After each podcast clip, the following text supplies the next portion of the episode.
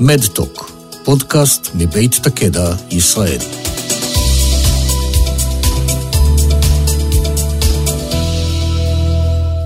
שלום רב, כאן ליאת אלון בפרק חדש של מדטוק, פודקאסט מבית תקדע ישראל.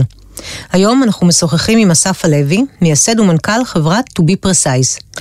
To be Precise פיתחה פלטפורמה המאפשרת עיבוד משולב של מידע גנומי עם נתונים קליניים של מטופלים, במטרה לדייק התאמת מטופל למחקר קליני, וכמובן לדייק את הטיפול הנכון למטופל הנכון. אסף, שלום ותודה שהגעת למטוק לשוחח איתנו. תודה שהזמנת אותי ליאת. אז אה, אסף, ספר לנו קודם כל על עצמך קצת, מה הרקע שלך, ואיך בכלל התחיל הסיפור של To be precise. כן, אז uh, בעסקים אני חושב, כמו כל דבר, זה בסוף uh, השתלשלות של אירועים מאוד אקראית ופרטית. אני איש מדעי המחשב בהשכלתי אקדמאית, mm-hmm. uh, וב-20 שנה האחרונות עסקתי בתחום הבריאות הדיגיטלית, שימוש טכנולוגיה ל... איך אפשר להשתמש בטכנולוגיה כדי לעזור לחולים. אמ, הייתי אחד המייסדים של חברה שנקראת DB Motion, שעסקה בשיתוף מידע רפואי. מוכרת משהו? מוכרת משהו, תודה. עשיתי את זה בארץ בהתחלה, ופחות או יותר שנה אחרי שהקמנו את החברה עברתי לארצות הברית. גרתי בארצות הברית 11 שנים, שבהן oh. המשכתי לעסוק uh, בעצם בהייטק בתחום uh, הבריאות. Okay. אוקיי. Uh, גם באירופה ומן הסתם בעיקר בארצות הברית. זה אחד מהפאשנס שלי, אני חושב שלהשתמש בטכנולוגיה כדי לעזור לאנשים, לרפא אנשים, להציל אנשים, לגרום להם להרגיש יותר טוב או לא לחלות, זה בעצם אה, אולי מטרה ערכית אה, גבוהה. כן. אה, וב-2016 פחות או יותר חזרתי לארץ, בין היתר גם מטעמים של משפחה, חברים ואידיאולוגיה, כדי לנסות ולהמשיך לעשות את זה מכאן.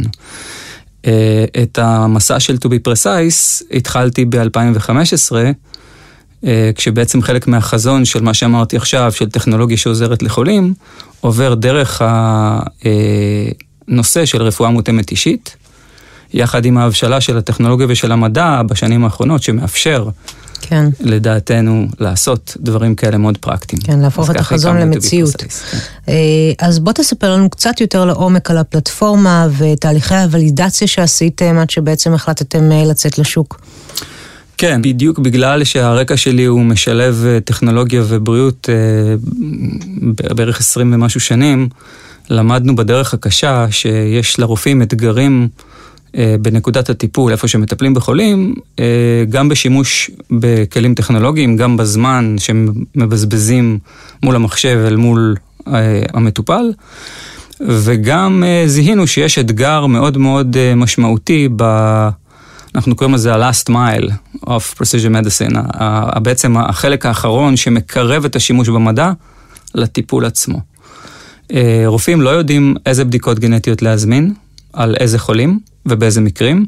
הבדיקות הגנטיות שחוזרות, אה, למעשה חוזרות בשפה גנטית, הן לא, חוז... הן לא חוזרות בשפה קלינית, אה, והן לא מביאות תוצאות שהן פרקטיות, שימושיות, להחלטה הבאה של הרופא. Okay. אוקיי. אה, ודבר אחרון זה שהמידע הגנטי לא חוזר חזרה לתוך סביבת העבודה האופיינית או הטיפוסית של הרופא. וואו, יש פה הרבה אתגרים, כאילו... כן, okay. אוקיי. בגדול שלושה אתגרים עיקריים שגרמו לנו לזהות שאנחנו יכולים אולי לעזור אה, בשיתוף מידע קליני וגנומי, שזה okay. מה אוקיי. ש-To be precise עושה כפלטפורמה, mm-hmm.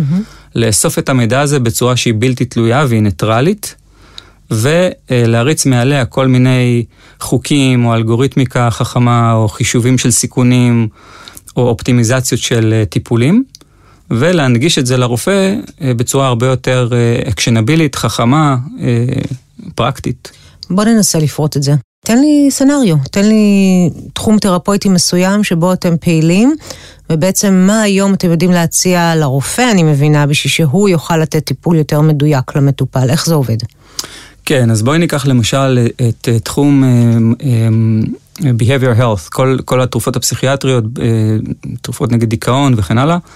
היום יודעים שיש אה, משמעות אה, מאוד דומיננטית של, של הגנטיקה של האדם ליכולת שלו להשתמש או, או להפיק תועלת כן. מתרופות מסוימות שמנסות לדוגמה לטפל בדיכאון או בדברים כאלו. Mm-hmm.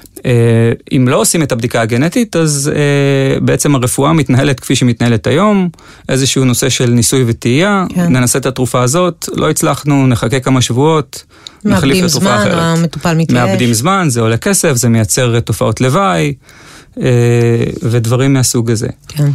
אם עושים בדיקה גנטית שהיא יחסית זולה ופשוטה, ניתן במקרים מסוימים, בתרופות מסוימות, במחלות מסוימות, כמו הדוגמה שאני נותן עכשיו בדיכאון, ניתן לדייק את התרופה המתאימה אישית לחולה הספציפי הזה, כמעט בפעם הראשונה, או אולי ברוב המקרים בפעם הראשונה, ש... או בתרופה הראשונה שבוחרים, כן?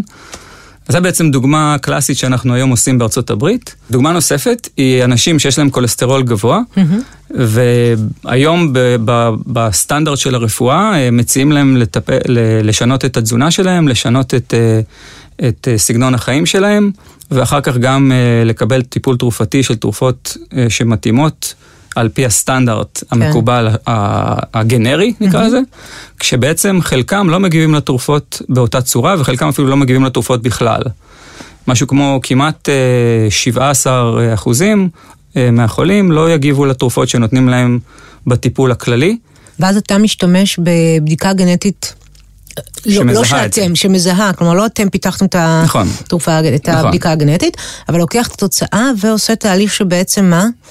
ועושה תהליך שבעצם מסתכל על התוצאה הגנטית, על mm-hmm. הווריאנטים, על המוטציות שיש לחולה ב-DNA, כן. מזהה את היכולת שלו להפיק תועלת מהתרופה או לא, אוקיי. ומחזיר לרופא איזושהי אינדיקציה שאומרת שהחולה הזה אה, שווה לשקול עבורו אלטרנטיבות אחרות, בדיוק מהסיבה הזו.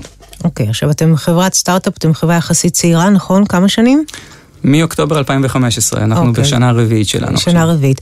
האם במסגרת הפעילות הזאת עשיתם איזשהו מחקר ולידציה בכדי לראות אם התוצאות שאתם מנבאים, הם באמת, אה, יש להם קורלציה גבוהה למה לתוצאות במציאות? אז יש לנו כבר מספר, התשובה היא בגדול אה, כן, וגם לא, מכיוון שאנחנו מסתמכים על אה, מחקרים קיימים, כלומר הקורלציה בין וריאנטים לבין תרופות.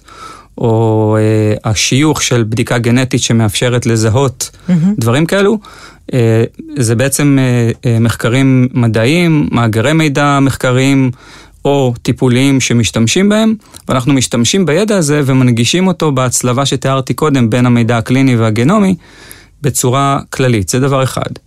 אה, והדבר השני הוא שיש לנו היום כבר דוג, דוגמאות, כמו שהדוגמה שתיארתי על אה, דיכאון, כן. זו דוגמה ממשית ש, שיש לנו אה, חולים כאלה, לקוחות כאלה שמטפלים בחולים כאלה, שזה כבר קרה. יש לנו גם את הדוגמה של בתחום הקרדיולוגיה, או שומנים בדם, כמו שאמרתי קודם, בכולסטרול, גם זו דוגמה שהיא ממשית וקרתה. אני יכול לספר לך על חולה שעשתה בדיקה גנטית באמצעותנו או דרכנו. שתוך 24 שעות שינו לה את התרופה כתוצאה מזה. וואו, אה, לתרופה בתחום אחרת. של כולסטרול? בתחום של, כן, היא, היא נמצאת בסיכון לקרדיומיופתי. אה, אוקיי. כן. ובעצם אה, שינו לה את התרופה בדיוק מהסיבה הזו. לא, אין ספק שזה חוסך הרבה זמן, כסף ובעיקר סבל אה, למטופלים, ואולי כן. אפילו נזקים כן. בהתאמת תרופות כן. לא נכונות. אז אני מבינה שהלקוחות המרכזיים שלכם זה בעצם הרופא, או בתי חולים.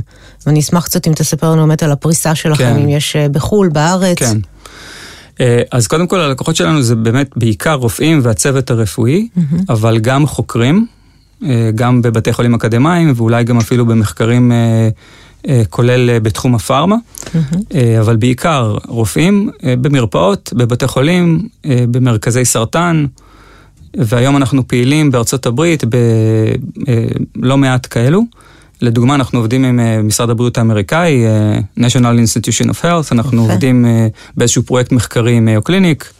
בתחום הקרדיולוגיה, אנחנו עובדים עם ארגונים בתחום הסרטן, בתחום האונקולוגיה. זהו, אה, אמרתי לעצמי, אני אשאל אותך איפה אתם עומדים עם כן. תחום הסרטן, כי שם זה מאוד מתבקש, כל הנושא של הרפואה המותאמת אישית. נכון, אנחנו פועלים, באמת יש לנו, אה, יש לנו אה, כמה לקוחות שהם לקוחות שמתמקדים בתחום האונקולוגיה, בתחום הסרטן, ובתוך זה בסרטנים מסוימים. אוקיי. ובהם אנחנו מנסים, באמת, יש לנו קרוב ל-4,000 משתמשים. אה, בתחום האונקולוגיה, שמסתכלים על, על ריצופים גנטיים של, אה, של גידולים אה, כחלק מהטיפול במחלה, ו, ומנסים לייעל את האופן שבו הרופאים עובדים עם המידע הגנומי והקליני. מה עם הארץ? יש איזה שהן תוכניות להיכנס לארץ? נשמח מאוד. בדרך כלל זה הפוך, כאילו זה בארץ ואז פורצים נכון. לארצות הברית, במקרה שלכם אתה אומר, אה, קודם התבססתם בארצות הברית ואז אולי... נכון, אנחנו, נכון, היות, היות והרקע שלי, כפי שאמרתי בהתחלה, הוא אה, משהו כמו 11 שנים בארצות הברית, אז היה לנו את היכולת אה, להתחיל מהשוק העיקרי. יפה. אה, ולממש לקוחות אה, שהם early adapters, כמו שאמרת, אה, שאלת אותי קודם על, ה, על מה זה מבוסס, כן. ובשל מקרים, אז אנחנו בהחלט עדיין בשלב של, של early adapters, של איסוף פידבק ואינפוט והדרכה, אפילו הייתי אומר, אוקיי. מ- קלינית מה, מהלקוחות הראשונים שלנו. נשמח מאוד לעשות משהו ב- בישראל, גם שוב בצד האידיאולוגי בתור התחלה, בראש ובראשונה, וגם כדי לעזור כאן בשוק המקומי, ישראל גם היא מאוד מאוד מתקדמת במיזמים שקשורים ב- ב- בתחום של הגנטי. נכון. אז נקווה שמישהו ישמע את. הפודקאסט הזה ואולי יחליט אה, להרים את הכפפה ולתת ל-to be precise את ההזדמנות לבוא. ולהוכיח.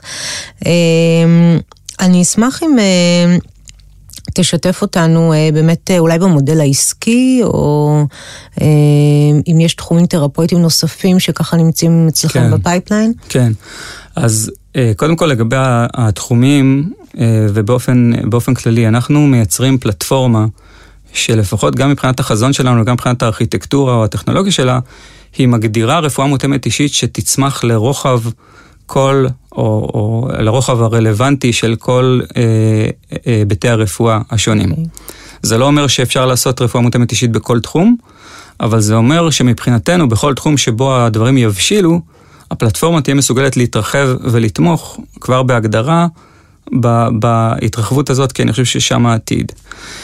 אה, מהבחינה אה, של המודל העסקי, אנחנו אה, פתרון שהוא אה, פתרון בענן, אה, יודע להציע אפשרות של pay as you go, לפי טרנזקשנס, לפי בדיקות, לפי חולים, וגם יודע להציע איזשהו subscription שנתי של הארגון שיכול אה, אה, לשלם איזשהו אה, אה, סכום שטוח, שנתי אחיד, רציף, שבאמצעותו יכול בעצם להביא לידי ביטוי את הרפואה המותאמת אישית באותם תחומים שהוא מתעסק בהם. זה נראה לי כאילו אה, בעוד שלוש או חמש שנים אפשר יהיה שהמטופל אה, יעשה subscription למערכת כזאת, יעשה את הבדיקה הגנטית ויעשה בעצמו לעצמו את הרפואה המותאמת אישית, או שאני הוזה עכשיו?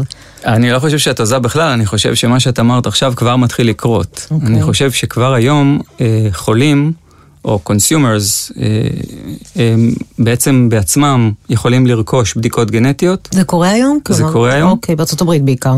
אה, כן, אני חושב שגם כאן בארץ מתחילים כן. לעשות את זה לא מעט. אה, את מכירה את זה בוודאי בצורה מאוד מאוד ותיקה אפילו בנושא של ניהול ילודה והריונות, זה הדברים הקלאסיים שאני חושב שכל אחד מכיר.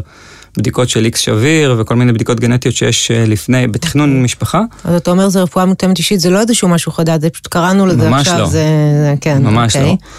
אה, אבל אה, היכולת שלנו ל- לצרוך בדיקות יותר קליניות נקרא לזה, או שה, שהתוצאות שלהן הן יותר בעלות משמעות ל- לבריאות שלנו, זה קצת יותר בתחילת הדרך מבחינת ההבשלה של מה זה אומר עבורי כאדם להזמין בדיקה כזאת, ואיך אני יכול להתמודד עם התוצאות שחוזרות. בדיוק, אולי אפילו כ-second opinion, אתה יודע, כשהולכים להתייעץ עם רופא, אז הוא אומר X, ואני הולכת, עושה את הבדיקה הגנומית, עושה לעצמי את הבדיקה, רואה מה יוצא, אם זה Y, אני יכולה לחזור לשאול, למה אמרת X ולא Y? זה הסיבה שאני אומר שזה כבר מתחיל לקרות, מכיוון שאני חושב שאנחנו כבר רואים שהחולים מקדימים את הרופאים וואו. מבחינת הידע ומבחינת השאלות, כמו שאת אומרת, אה, אנשים באים לרופא עם שאלה כבר של דוקטור, עשיתי בדיקה כזאת וכזאת אונליין, ומה אתה חושב על זה, זה, זה וזה שאני חושב שאולי יש לי.